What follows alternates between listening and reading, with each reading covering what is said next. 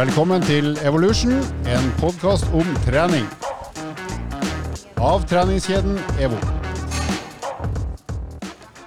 Hei og hå, og velkommen til eh, en ny episode av Evolution. I dag har vi et av de faste medlemmene som er på sykehuset. Nei, han har ikke blitt skada. Nei, han er ikke sjuk. Men han har blitt pappa. Så vi gratulerer stort til Andreas Skjetne og hans utmerkede Karo, altså kona, som etter en uh, bra fight på sykehuset har nå fått en gnager, nærmere bestemt en uh, kvinnelig baby, som kom ut for noen få dager siden. Så derfor er- har han gyldig fravær. Men i hans sted, ikke ståsted, men på hans sittende plass, så har vi fått en pastor fra Rogaland, fra bispedømmet i Stavanger, nemlig Henning Frode Holm. Velkommen, Henning. Det var jo en av de bedre introduksjonene jeg har fått. Eh, Tusen takk, Halvor. Hyggelig å være tilbake. Ja, skal vi kalle deg pastor eller den pene nummer to i, som uh, nickname? Nei, pastor er nok mer beskrivende sånn sett. Å ja, det var litt sånn beskjedent der. Det er, han som, det er han som skal døpe barnet. Ja, det er det selvfølgelig. Det er bra. Jeg kan for øvrig røpe at jeg har ikke, på tross av mine utallige tilbud, ikke, enda ikke blitt bedt om å være fadder for barnet til Andreas, så da tror jeg sjansen ryker. Ja, For både barna og meg. Skal jeg forklare deg hvorfor, eller skal vi la den ligge? Eh, kanskje vi tar det etterpå. Nei, altså, hjertelig velkommen, pastor Holm, og så har vi den pene her, Lars. Hei, hei. Og så har vi den stygge og seige, så legg merke til at jeg tar med seige òg nå, for jeg har fått beskjed om at jeg i hvert fall er seig. Så det setter jeg Hvis du legger vekk den stygge. Ja, men jeg holder den litt til, Ja. for det stemmer litt. Vent til over sommeren. Ja. Få litt brunfarge på den kroppen din. Yes, men siden vi har Henning her, da. Hva eh, skjer med treninga di, Henning? Det er jo ei stund siden sist du har vært innom. Du var jo den som starta podkasten for et drøyt år siden. Men uh, hva gjør du i ditt treningsliv nå? Du, eh, Godt spørsmål. Og her kommer det faktisk noe nytt nå. Og det er at uh, denne Hold dere fast.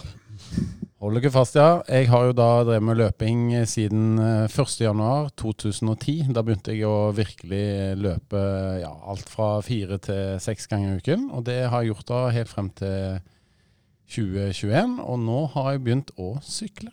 Oi, oi, oi. Mm, det har jeg. Det han ikke vet, er at han skal være med på Trondheim-Oslo. Nei, det har jeg ikke meldt meg opp til. Men Det eh, håper jeg ikke han skal på lang tid. Vet du hva, jeg, jeg har begynt å sykle litt. Jeg løper fortsatt, men nå, nå deler jeg da øktene mellom eh, sykling og løping og litt styrke. Så nå har jeg kjøpt en ny sykkel etter eh, god hjelp fra Halvor. Ja, og det kan sies at den sykkelen er på et så høyt nivå at eh, du mener alvor. Du er ikke ferdig med sykling om ei uke. Det her er kommet for å bli. Absolutt ikke. Så har jeg fått eh, intervalltips fra Halvor, så mye av tiden min nå tilbringes i Ekebergbakkene, Mm. altså VM-bakken. Mm. Og for de som ikke vet hvor det er, Halvor Ekeberg er da en bydel i Oslo, og Oslo er hovedstaden i Norge. Oi, det var jo beskrivende. Og VM-bakken er en bakke som ble brukt under sykkel-VM i 1993. Mm. Nei, for- Står de tidene derfra ennå? Altså, Er det noen av de beste tidene? Sånn ren. Det vet jeg ikke, for det var lenge før Strava. Men jeg vet at det gikk et sånn eh, Tour of Norway-ritt der for to år siden, og de rekordene opp de bakkene der er i hvert fall eh, fra de gutta der, Ja. som nok var ganske gode. Så hjelper ikke å komme med sparkesykkelen. Jeg har sykla i orkan medvind og fortsatt ett minutt bak. Nei, men eh, Det er jo utrolig gøy med sykling. da, og det kan si at I forhold til løpingen så er det hakket mer eh, grad av lek. Det er jo litt mer fart og spenning på sykkel enn det er når man løper. Så det syns jeg jo er litt sånn eh, moro, da. Og så kan vi dra noen betraktninger fra at jeg har løpt ganske lenge, og har vel et ganske ålreit eh, slagvolum. Og det viser seg at det funker jo å, å, å ta med seg videre på sykkelen, selv om sykling er jo en helt annen Ja, så, så den gode formen din hjelper deg jo på sykkel òg, så det Ja. er det du skal jobbe med nå, er å få beina til å funke på pedaler og ikke bare på asfalten. Ja, nå må jeg jobbe med spesifisiteten, ja. Helt korrekt. Men du har jo blitt såpass glad i det at du har begynt å interessere deg litt for hva slags farge sykkelen skal ha, hva slags antrekk som kan matche din hvite sykkel. Så du begynner jo å bli litt sånn småinteressert her nå. Det kan man si. Jeg har allerede begynt å tenke på den neste sykkelen. Ja, og den neste sykkelen du skal ha, hvem er det sin, Henning? Nei, da foreslo jeg for Halvor her for eh, seks uker siden at eh, når han var ferdig med den han har nå, så skal jeg kjøpe den. Og da sa han nei, nei, nei, den skulle han ha lenge. Men så fikk jeg en telefonsamtale her eh, sent en eh, ja, hva var det, torsdag kveld, mm. hvor tanken hadde sunket inn, og han var litt klar for, eh, for dette likevel. Jeg tenkte helt seriøst, så skal jeg, jeg steller den sykkelen veldig godt, og så skal jeg skifte noen viktige deler. Og da ringte jeg deg for å spørre hvis du Hvis du vil overta den sykkelen, så skal jeg sørge for at den er i perfekt stand, så da kan jeg skifte noen deler nå, og ikke selge han uh, uten de utskiftede delene til høsten. Så da har vi vel en muntlig avtale på en podkast, har vi ikke det? Det har vi. det har vi. Prisen tar vi etterpå. Men jeg kjenner igjen i det å ha riktig utstyr. Jeg tror, Hvis ikke jeg husker helt feil, så tror jeg du var i fotballshortsen første gang du sykla. En hummelshorts. Og der, der kunne faktisk jeg Og Juventus-drakt. Ja. Men jeg har noe sykkeltøy fra tilbake i tida når jeg eh, prøvde meg på Norseman. Eh, og det har jeg ennå. Det sitter litt trangere. Det er litt med pølseskinn. Litt sånn italienske fotballdrakt-kappa-ish. Men, eh, så Det er sitter godt. Det sitter veldig godt. Men apropos utstyr, det, det har ekstremt mye å si. I hvert fall når man ser på Halvor. Jeg har vært på noen turer med han, og når han kommer i Belgia-drakten sine, Belgia-sokker, Belgia-bokser, Belgia Digg. ja, kapteinsbånd. Det er det eneste gangen jeg ser ordentlig ut, det er når jeg har på meg sykkeltøy. Ja, jeg skulle akkurat til å si det, at eh, når jeg møter deg utenfor, så, så kaller du deg sjøl for den stygge, men på sykkel der må jeg si at du, du er, der er du oppe og nikker i pen-kategorien, Halvor. Takk. Husk på at hjelmen dekker til mye, da, og solbriller. Nei, men eh, stil er viktig, det, har jeg skjønt. Det er det. Bra. Sånn er det bare. Men uh, treninga di da, Lars, det sykles? Det sykles litt, eh, sikkert ikke nok, men nå ble jo Trondheim-Oslo utsatt, eller rettere sagt det ble avlyst. Um, så vi venter egentlig litt på hvilke beskjed vi får fra arrangøren, um, på hvilke løsninger de går for. Um, det forespeiler en QR-kode, altså en QR-variant, der man skal ta noen bilder underveis og registrere seg, litt sånn som på Birken, som Mm. Andreas gikk i vinter.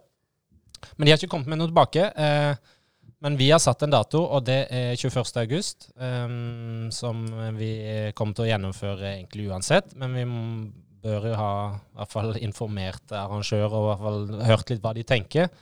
Vi skal jo bevege oss langs E6 Ja, det er, ganske jo, mange det er jo timer. noe tra transport som foregår der, Ja. uavhengig av at dere sykler.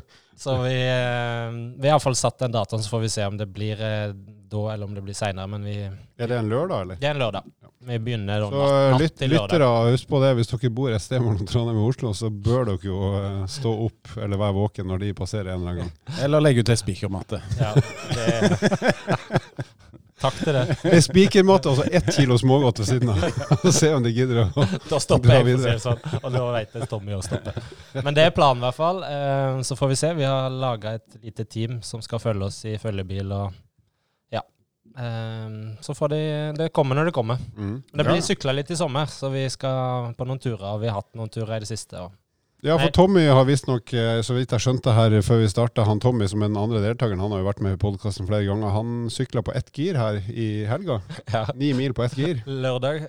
Jeg tror han har glemt å lade opp giret. Han har elektrisk girsystem. Eh, Det er greit nok. Det, det funker sikkert kjempebra. Jeg hadde ikke, men eh, når han kom og møtte meg på et sted som heter Muselunden i Oslo, så kom han på ett gir. Det så grisetungt ut. Han har sykla nøyaktig 473 meter, og han var full i syre allerede der, og vi skulle sykle rundt ti mil et sted, og det, han har sykla på ett et gir hele veien. Jeg tipper det skyldes dårlig vedlikehold. Ja, Eller manglende lading. Det kan eh, lading, tror jeg. Sjøl har jeg hatt ei rolig uke, for jeg har vært litt småsnufsete, som det heter. Altså ikke korona, ikke covid-17, 18, 19 eller 20, men jeg har rett og slett vært litt småforkjøla. Ja, jeg har testa meg. Så um, Men du trener Ja, ja. så mye, Halvor, at dette er jo bare eh, ren overskuddsbygging. Så du, neste uke nå er jo du i knallform. jeg prøver jo å fortelle meg sjøl det, men jeg tror ikke noe på det. For jeg har aldri virka sånn. Men jeg håper du har rett. Før vi skal inn Det har kommet meg for øre før vi hopper inn i episoden, og det er at du er i kategorien nå som skal vaksineres. Korrekt. Wow! Jeg er jo da i alderskategori 60 til 69. Ja. da, Nærmere 69. Ja, nærmere 69. Så nå skal jeg faktisk i dag, etter sending, så skal jeg av gårde og vaksineres.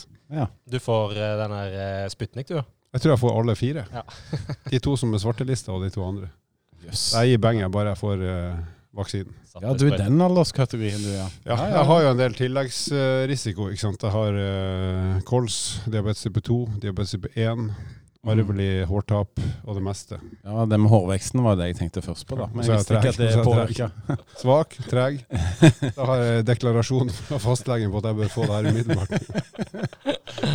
Nei, men det, det er godt å vite. Det er bra de tar vare på de eldre, tenker jeg. Ja, jeg synes det Da er fint. funker systemet. Så jeg tar jo da tre ukers sykemelding for å være sikker på at jeg er klar til dyst Altså jeg er klar til ferien. Ikke sant. Det er planen min. Nok babling, eh, folks. Nå må vi komme til saken, og den kommer straks.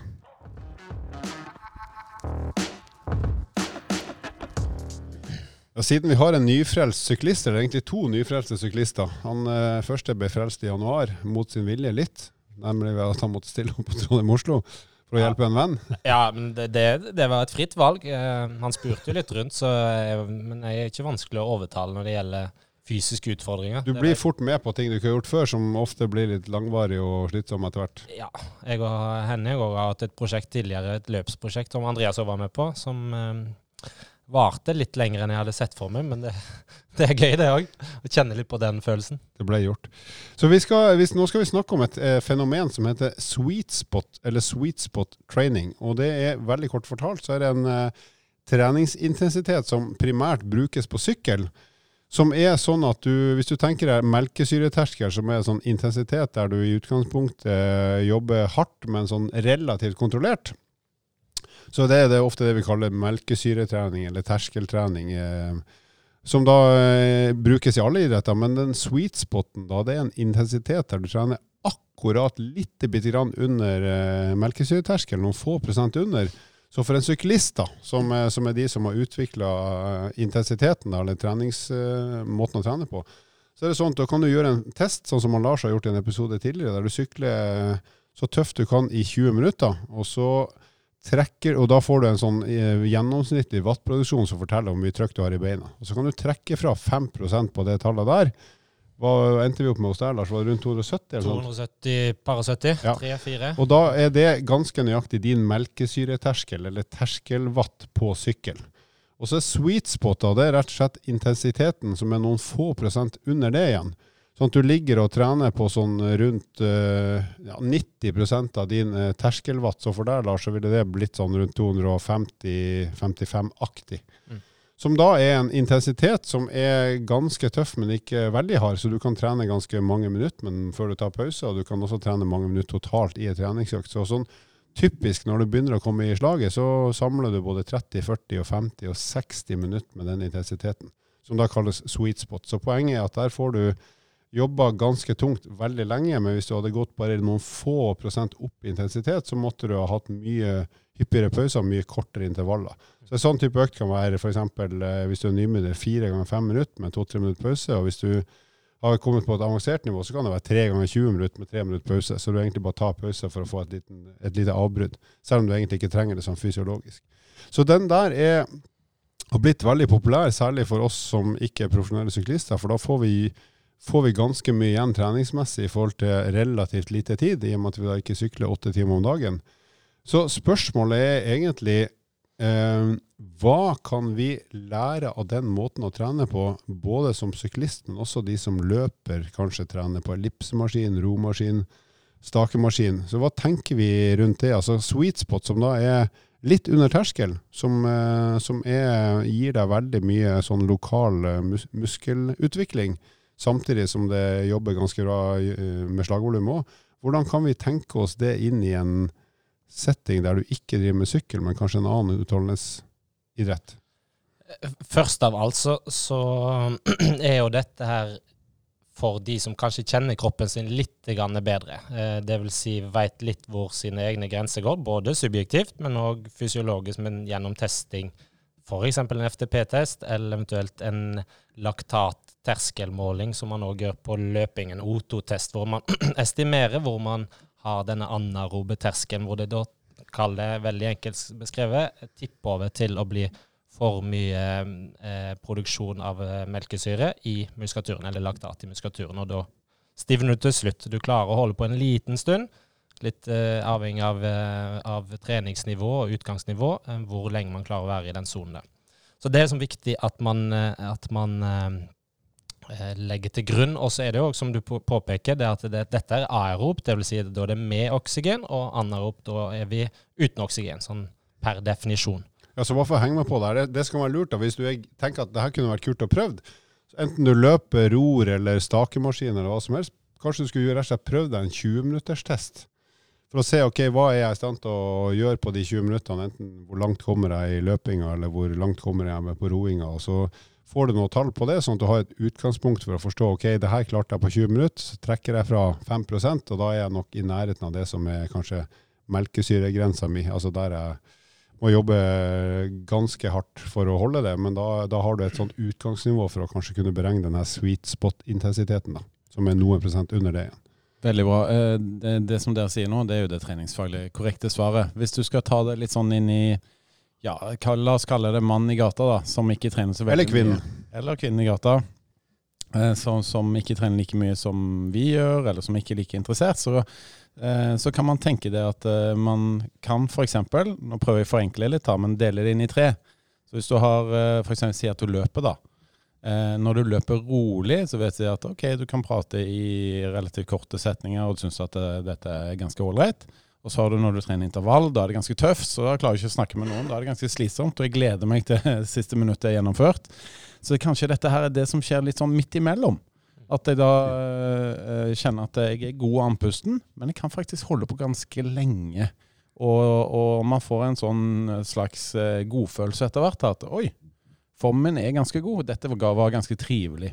Så sånn psykologisk sett så er det ganske motiverende treningsform i seg selv. Og det, når Halvor kom med temaet her for podkasten, så var det det jeg tenkte på. At det er kanskje det viktigste budskapet å få frem. da, At hvis du treffer på dette her, så er det veldig, veldig motiverende for videre trening.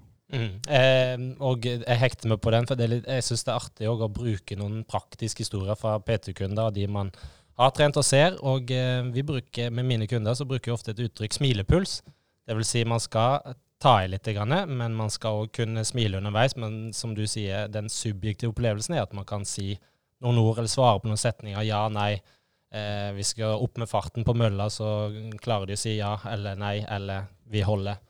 Um, så det er på en måte et sånn fint uttrykk i forhold til at man er i en sone hvor man kan smile, men samtidig kjenne at hjertepumpa virkelig går. Mm. Altså, det vi snakker om her nå, uansett om du da sykler eller løper eller går på ellipsemaskin eller stakemaskin, romaskin, hva som helst, så er det sånn at du kjenner at du jobber, du jobber ganske hardt, men du, har, du føler at jeg har kontroll. Det her kan jeg holde på med i ganske mange minutter før jeg eventuelt trenger en pause. Og så prøver du å ta den pausen før du faktisk trenger den, sånn at du ikke ender opp med å holde på såpass lenge at du blir skikkelig stiv før du tar pausen. Ja, og så trenger man eh, gjerne ikke alltid å bruke puls, selv om det er et flott verktøy. Hvis man ikke har, eh, har pulsklokke eller pulsbelte, ikke har kunnskap om disse tingene, så kan jeg si et praktisk eksempel på meg selv. Da, og det er at Hvis jeg løper rolig på mølle, så løper jeg alt mellom 10 til 12,5 km i timen. Eh, hvis jeg skal løpe intervall, så er det alt mellom 15 og 17 km i timen. Alt mellom 15 og 13. Stort sett. 15 og 17. Men sweet spot for meg, som jeg kan holde på ganske lenge, som jeg, jeg må jo følge med, og det passer slitsomt, men det er ikke noe problem, det er å løpe på 14 km i timen. Mm. Så det, der ligger nok eh, På et eller annet sted der så ligger sweet spot. Og hvordan, hvis du tar deg selv som eksempel, da, hvis du skulle løpt på 14 km i timen, hvordan ville du typisk delt opp den? Hvor lange intervaller hadde du hatt, og hvordan hadde pausene sett ut da?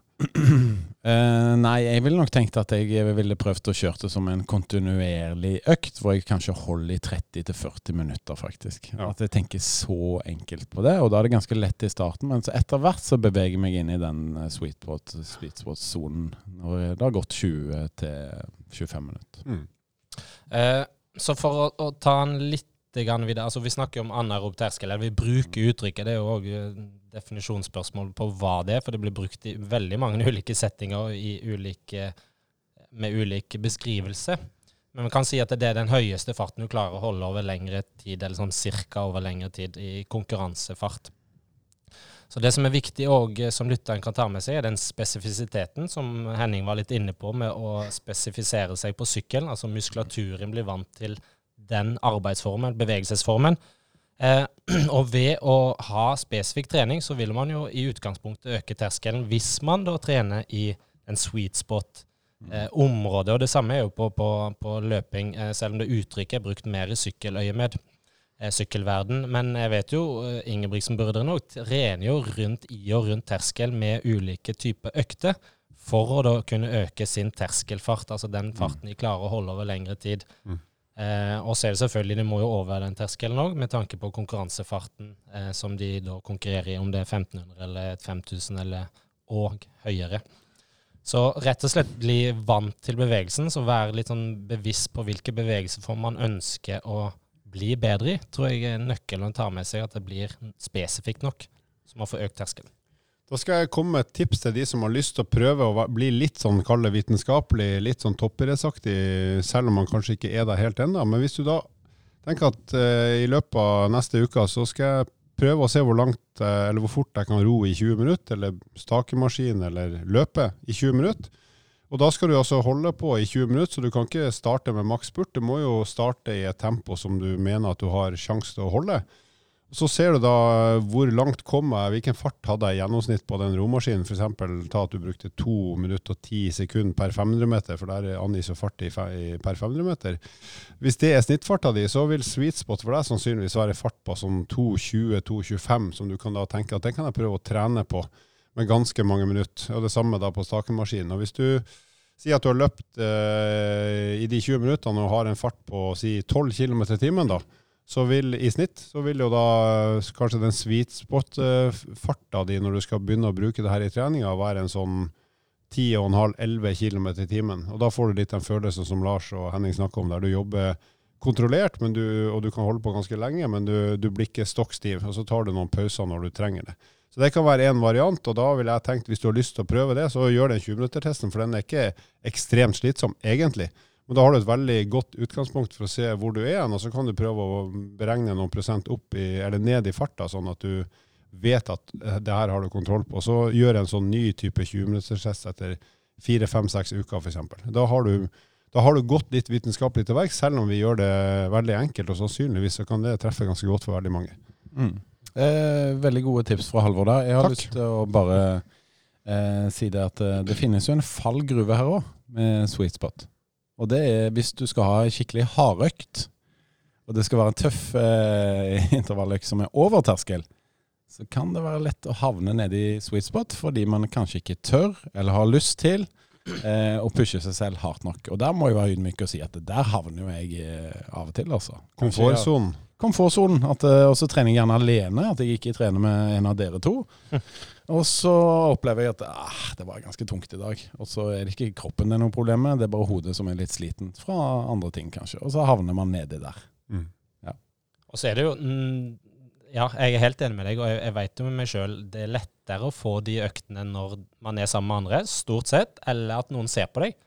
Altså på et treningssenter eller andre steder som vi trener litt på. og Det at noen bare observerer deg eller ja, er rundt deg, gjør at man ofte presterer eh, litt bedre. Og så skal man være òg, som du sier, de gangene man er med folk som er bedre enn seg sjøl. Så Mm. ikke sammenligne seg, men at man da ofte blir dratt.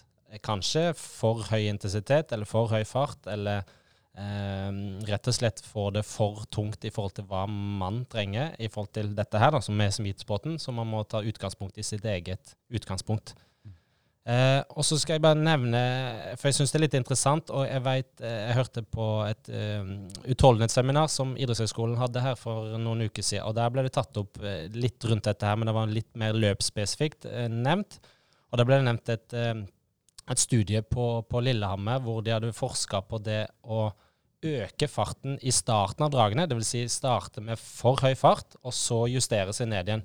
Eh, og fordelen med det er jo at man eh, øker på en måte O2-opptaket eh, og O2-tilgjengeligheten i starten av draget, og så justerer man, og da får man større effekt av det, både i forhold til O2 eh, selve, hvor mye oksygen man klarer å ta opp, altså man øker O2-kinetikken i og rundt eh, hjertet eh, ved at man har for høy fart i starten, som kan funke. Jeg har ikke testa på meg sjøl, men det, det, eh, resultatene etter prosjektet var veldig positivt. Hvor, hvor lenge hadde de den overfarta før de på en måte skrudde ned? Det Ja. syns jeg er interessant, for hvis det blir for lenge, så blir det vel Ja, Hvis vi tar utgangspunkt i det du nevnte i sted, en, en femminutter f.eks., så lå de nok i overfart. Det var ikke nevnt, men jeg vil tippe eh, et minutt, halvannet minutt. Og så justerer man seg ned igjen på kanskje den farten man vil holdt på hele draget. For det høres ut som når vi eh, kjører vårens første 1000-meterdrag, Henning, at vi starter i overfart, men litt for lenge. Såkalte vårslippet. Ja, Ja. på Ekeberg. Det som jeg ble veldig glad for nå, det er at eh, jeg tror jeg får denne effekten allerede. For jeg trener med naboen min, da, som er hakket bedre syklist enn meg, men har hakket dårligere form enn meg. Han har ikke like fin sykkel. Nei, det har han, Nei. det har han ikke. Det er hvite min, vet du. Den er fin. Det er stilig, faktisk. Ja. Men eh, poenget mitt var at han åpner alltid veldig hardt på hvert eneste drag. Så det jeg gjør, jeg bare legger meg i ryggen på han, så ligger jeg der et minutt til halvannet minutt, og så tråkker jeg bare fint forbi. Og så møtes vi på toppen. Jeg syns det er fascinerende med den der, alt den der optimistiske ah, ak, I dag er jeg i min beste form. Og så når du skjønner det etter første dag at det skjedde ikke, men så allerede i drag nummer to, fire minutter etterpå, tenker du nei, nå er jeg i min beste form. Ja, men han gjør det samme på hvert ja, ja, det er det som er så genialt. Så, Liksom. eh, Da er, har du dårlig hukommelse og veldig Ja. optimist. Han er tøff i hodet, og så, og så svikter, svikter kroppen bitte litt etter hvert i draget. Det passer meg fint, da. Jeg tror det er viktig å presisere hvis man skal teste denne formen for eh, trening, så, så bør man jo kjenne kroppen sin ganske godt og vite litt hvor, eh, hvordan pulsen eh, beveger seg, hvis man skal bruke puls som et eh, parameter eller måleenhet. Selv om man må ikke det, som Henning presiserte sist, man kan også gå litt på subjektiv følelse. Men at man veit litt hvor grensa går, og hvor lenge man kan holde, der, holde den farten eller den intensiteten før man må justere. Og så kan det hende, eh, det var òg nevnt litt i, i den diskusjonen, og eh, om pausen da kanskje må være litt lenger enn det man vanligvis gjør hvis det er et typisk eh, fire ganger fire-prinsipp. da. Der pausen er mellom to og tre minutter. Kanskje man må øke den litt, bare for å da være klar igjen til neste drag. Jeg tror hvis vi skal ende opp med sånn forslag til et, sånn, en, en treningsøkt som kan funke i det vi kaller sweet spot, som da er litt under melkesyreterskel, altså der du har kontroll, men har det egentlig helt fint i muskulaturen, så tror jeg at hvis du begynner med f.eks. Uh, fire ganger fem minutter, da sier vi ikke fire ganger fire, for da tenker alle fire ganger fire og knallhardt, men begynn med fire ganger fem minutter, og så har du minst tre minutter pause. Og så når du føler at mm, det her går bra, nå kan jeg øke litt, så kan du legge på til fire ganger seks minutter. Og så kan du legge på til fire ganger sju minutter, fire ganger åtte og fire ganger ni. Så lenge du gidder, og så lenge du føler at, eh, at eh, kroppen responderer. Så kan det hende at hvis det her går veldig bra, så kanskje du skal gjøre en, hvis du er interessert, gjøre en ny sånn 20-minutterstest, og så ser du kanskje at oi, nå er jeg ganske mye bedre enn sist. Så nå må jeg faktisk øke hastigheten litt for å treffe i riktig intensitet. Så når du liksom begynner å komme opp i fire ganger 10, 11, 12, 13 minutter uten problem, så kanskje du skal gjøre en ny test og vurdere om du skal øke farta litt. Rett og slett for at du har blitt bedre, sånn at du får eh, godt utbytte osv. Ja, det, jeg tror det er den essensielle delen i forhold til å få progresjon. Så ikke tenk å øke intensiteten, men tenk heller eh, volumet, altså flere drag, og eventuelt lengre varighet på selve dragene. Og det vi da får igjen, da, det er jo at muskelcellene dine blir rett og slett eh, flinkere til å frigjøre energi, som er det du trenger for å skape fart. Så det er liksom hovedeffekten. Så for de som er interessert, så er det rett og slett eh, øke tettheten eller antallet mitokondrier i muskelcellene. Som er de som, det er der det på en måte skjer energifrigjøring som gjør at vi kan bevege oss. Så da skal vi eh, gå over til et ganske kult eh, lytterspørsmål straks etter at Lars får siste innspill her. Ja, jeg, jeg har bare lyst til å presisere at eh, selv om dette høres litt sånn avansert ut for både for vår del, som er veldig interessert i trening og trener mye, men òg de som ikke trener så mye, eh, ikke tenk å heller gjøre det enkelt. Det er på en måte ikke veldig avansert, selv om det høres avansert ut i forhold til prosenten, i forhold til terskel osv., men tenk enkelt. Prøv på feeling først, sånn Ja. som Henning snakker om. Og hvis du blir litt gira, så kanskje du skal gjøre en sånn 20 minutters test. Jeg kaller det for behagelig intervall.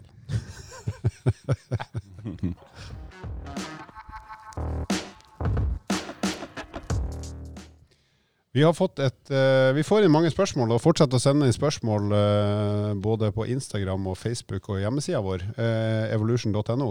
Vi har fått et spørsmål fra ei dame, eller jente, som kaller seg Jente43, så da sier vi Jente43, hei hei. Hun har fått, eh, eller hun gir, har gitt oss beskjed om at hun har meldt seg på Birken, og det er tre måneder igjen til Birken i 2021, dvs. Si to og en halv måned. Så eh, hun har forklart at hun blir veldig fort sliten, så bare hun ser en liten gresstust eh, eller en liten fartsdump på veien, så um, opplever hun at hun blir eh, sliten på sykkelen. Så spørsmålet hennes er da rett og slett er det mulig å gjennomføre Birken for meg hvis jeg begynner å trene nå, og hva skal jeg da fokusere på? Så da er rett og slett bestillinga Hun har lyst til å gjennomføre Birken, og den er vel ca. ni mil, er det ikke det? Sånn sør, røftlig. Ja, eh, Åtte-ni mil på Ja. grus og asfalt. Ja, Ja. jeg tror det er i slutten av august, hvis ikke Slutten av august. feil. Ja, det stemmer. august. Sånn at det er liksom, hvordan skal hun bli i stand til å gjennomføre en ni mil sykkeltur i både ganske mange oppoverbakker og nedoverbakker eh, frem mot da slutten av august? Så da har hun to og en halv måned på seg. Så hva skal vi si til henne? Hva er det som hun må begynne med fort som fy for å få det her til? Ja, Først og fremst hvor mange treningsøkter har hun tid til hver uke. da, Det er en viktig variabel å vite. Um, så tenker jeg jo at alt er mulig dersom man har eh, tid og anledning og motivasjon nok til å gjøre det. Uh, hvis målet er å egentlig bare komme seg gjennom, da. Jeg vil jo si, uh, basert på at sykling er jo en ganske sær måte å bruke beina på, ikke sant, Lars? I forhold til mye annet. Hvis du, hvis, du, hvis du setter deg Jeg ville sagt du må trene to ganger i uka, eh, rett og slett hvis du skal ha mulighet til å få en ålreit opplevelse. Eh, Det er vel det ærlige svaret. Og da ville jeg tenkt at den ene av de øktene skal være lengre hver gang du gjør den. Så la oss si at du har som mål at uh, i neste uke så tar du ei økt som varer én time, der du sykler én time. Uh, så skal du uka etterpå prøve å sykle kanskje én time og et kvarter. Mm. Sånn at den lengste økta Du må gjerne ta pauser og gå av og sånn når det blir ubehagelig å sitte, sånn, men at du liksom samler et kvarter Den lengste økta blir ett kvarter lenger for hver uke, for da tror jeg du er oppe i en sånn tre og en halv, fire timers økt på slutten, altså rett før du skal starte Birken. Det tror jeg i hvert fall er den pri én-økta som du bør gjøre en gang i uka. Ja, eh, jeg kan jo bare snakke for min egen del, som på en måte er tilbake på sykkelsetet etter hvert vekke en del år. Og det handler jo om eh, nummer én pri for meg er å på en måte bli komfortabel på sykkelen. Dvs. Si herde ræva, herde skuldre, nakke. Eh, For hennes del, som skal sykle terreng, eh, Birken, så vil det jo òg være en del støtbelastning på håndledd, eh, og kanskje òg rygg, for så vidt òg. Så rett og slett sykl så spesifikt som mulig, litt ut i terrenget. Eh, og jeg henger med på det du sier, Halvor. Én intervall og én litt lengre tur. Og hvis du får en, en, en økt til, altså en tredje økt, så gjerne få en der du sykler Trenger ikke være så lang, men litt sånn eh, naturlig intervall. Bruk ut i terrenget. Bruk bakkene. Dra til litt i bakkene, så kan du heller slappe litt mer av når du kommer opp på flatene, eventuelt der det er litt eh, roligere, og nedover bakkene.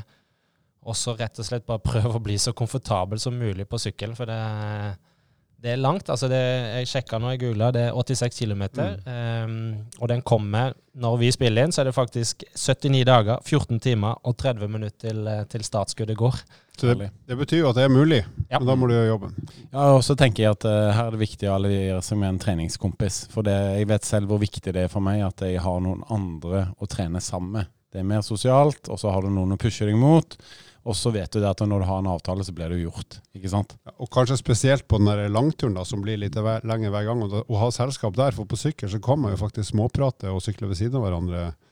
Uh, ikke sant? Ja, det er hakket Ja. mer uh, sosialt enn uh, løping for de aller fleste. Ja. Med unntak av de som løper ganske mye, for de kan løpe rolig og snakke underveis.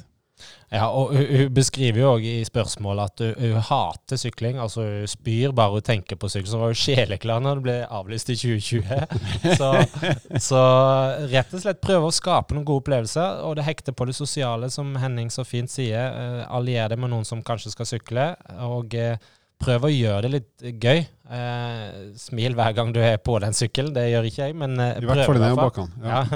Ja. Og, og så er det liksom å bli vant til sykkelen. Altså små og enkle ting som, eh, som å bli vant til å klikke seg ut og inn i, i pedalene, eh, sånn at sånne småting ikke skal skape usikkerhet. Eh, og så er det noe med den spesifisiteten igjen. Eh, Hun skriver at hun får syre bare ved å se på en fartsdump. Altså, fartsdumper kan være vonde i ræva når du sykler over med landeveissykkel òg, men rett og slett prøv å trene litt i og rundt den tempoet du tenker og ser for deg at du skal holde underveis her på, på Birken. Ja, så et viktig poeng eh, å ta med seg er at hvis du har anledning til å bruke sykkelen som commute, da, at du sykler til og fra jobb, eller til og fra en eller annen fritidsaktivitet, eller til og fra barnas fotballtrening, hva nå enn det skulle være. Hvis du er nybegynner, så vil du ha utbytte av det. Spesielt i forhold til å bli vant med sykkelen, og egentlig bare få noen få kilometer. Nå er det, det hipster-Henning som snakker her. Nei, men eh, eh, la oss eh, fortelle om om meg da, som eksempel. Altså Hvis jeg sykler til og fra jobb, ikke sant? Så, så, så vil jeg ha et utbytte av det, for sykling er så ferskt for kroppen min. Men for Halvor, da, eh, som er i veldig god sykkelform, så er det veldig lite utbytte for han å sykle fire-fem mil i løpet av uken totalt til og fra jobb, med avbrudd på ti kilometer på hver, hver aktivitet. da. Så men for, for en som er ny og skal i gang, så vil han faktisk ha en del utbytte av det. Så helt til slutt, den intervalløkta som jeg tror du kan gjøre, det er hvis du finner deg en eh, sånn slak motbakke, så sykler du den opp i ca. to minutter. Ikke så fort du kan, men så fort at du kjenner at du blir andpusten, så bare triller du ned igjen, så kjører du seks eller åtte sånne tominuttersdrag. Og når du føler at denne bakken her, den har jeg kontroll på, så se om du finner en litt brattere bakke til neste økt, og så kjører du to minutter her. Så ikke gjør det verre enn det. Så er pausen din når du triller ned. Så da er det en langtur som blir litt lengre per uke, og så er det en sånn seks ganger to minutter som, der du finner en bakke som passer ditt nivå nå. Og så er det siste praktiske tips fra meg, eh, og det er å For det er et krav her om å ha på sekk på 3,5 kilo, minimum 3,5 kilo. Så at man er litt vant til det òg. 3,5 kilo er ikke masse, men det, det koster litt når man skal sitte, sitte på den sykkelen i x antall timer. Så bare at man veit litt hvor mye det er òg, og ha den med på f.eks. noen langturer. Eh, Med og kaffe og Kvikk Lunsj og litt Ja. godsaker. Kose seg litt på det nå. Ja, og bli eh, gjerne og så bevisst at du har en plan B. Så hvis det er i og er dårlig vær, så drar du inn på treningssenteret og kjører en intervalløkt som Halvor Aker foreslo, der isteden, på spinningsykkel. For sykling er best uten regn. Det er Det definitivt. er det ingen tvil om. Ja. Jeg skal avslutte med en liten fun fact, siden vi nå snakker så mye om sykkel. og Da har jeg funnet ut litt sånn bruk av sykkeltall her. Så I UK, altså Storbritannia, så ser de at ca. 5% av alle transporter, altså om det er buss, bil, hva som helst, ca. 5% foregår med sykkel, som er ganske bra, egentlig. Det bor jo mye folk der. I USA derimot, så er det noe med det tallet der er bare 1% så i USA er sykkel som transportmiddel, framkomstmiddel, vesentlig mindre i bruk. Kanskje ikke noe sjokk. Men i Nederland, som er paddeflatt, og som er et sykkelland, eh, og som tilrettelegger for sykkel, så er det hele 30% av alle reisene foregår med sykkel. Jeg har jo vært i Amsterdam sjøl, og der er det altså så mye sykler overalt at det er nesten skumlere å sykle i det bybildet enn å kjøre bil, syns jeg faktisk. Mm. Så jeg ble jo, jeg ble jo takla av en hissig fyr på 73 når jeg var der sammen med min samboer for noen år siden. Og han mente at han hadde rett på å kjøre meg ned, så da ble det sånn. Mens eh, vinneren her er København. Der har sikkert alle vært. Der er det også ekstremt tilrettelagt for sykkel. Der er det hele 36% av all jobbtransport foregår på sykkel, som er ganske imponerende. Og i studio her så har vi jo én av tre, det er jo 33,33 Henning Holm, pastoren fra Rogaland, som da har brukt, begynt å bruke Hipster-Henning, som det nå skal hete. Som har begynt å bruke sykkel som transportmiddel til og fra jobb. Triller du ned her i dag? I, er det antrekket der og sykkel? Jeg gjør ikke det, men eh, jeg sykla hit eh, forrige uke. Ja. Da sykla jeg eh, først hjemmefra, som er ved Østensjøvannet, og så sykla jeg opp eh, til Frognerseteren, og så ned igjen hit. Da ble det en tur. Så da la jeg litt på da for å få litt eh, bakke. Hva hadde du på da? Hva var antrekket ditt? Det, Var det Juventus-drakten? det var Juventus-drakten og skikkelig sykkelbukse. Ja, nice, det. Altså. Jeg tror jeg traff sweet eh, spot hos ganske mange. La den eh, henge litt for lenge, og så sier vi takk for oss. Vil du vite mer om trening? Abonner på podkasten, og sjekk ut vårt treningsmagasin på evo.no.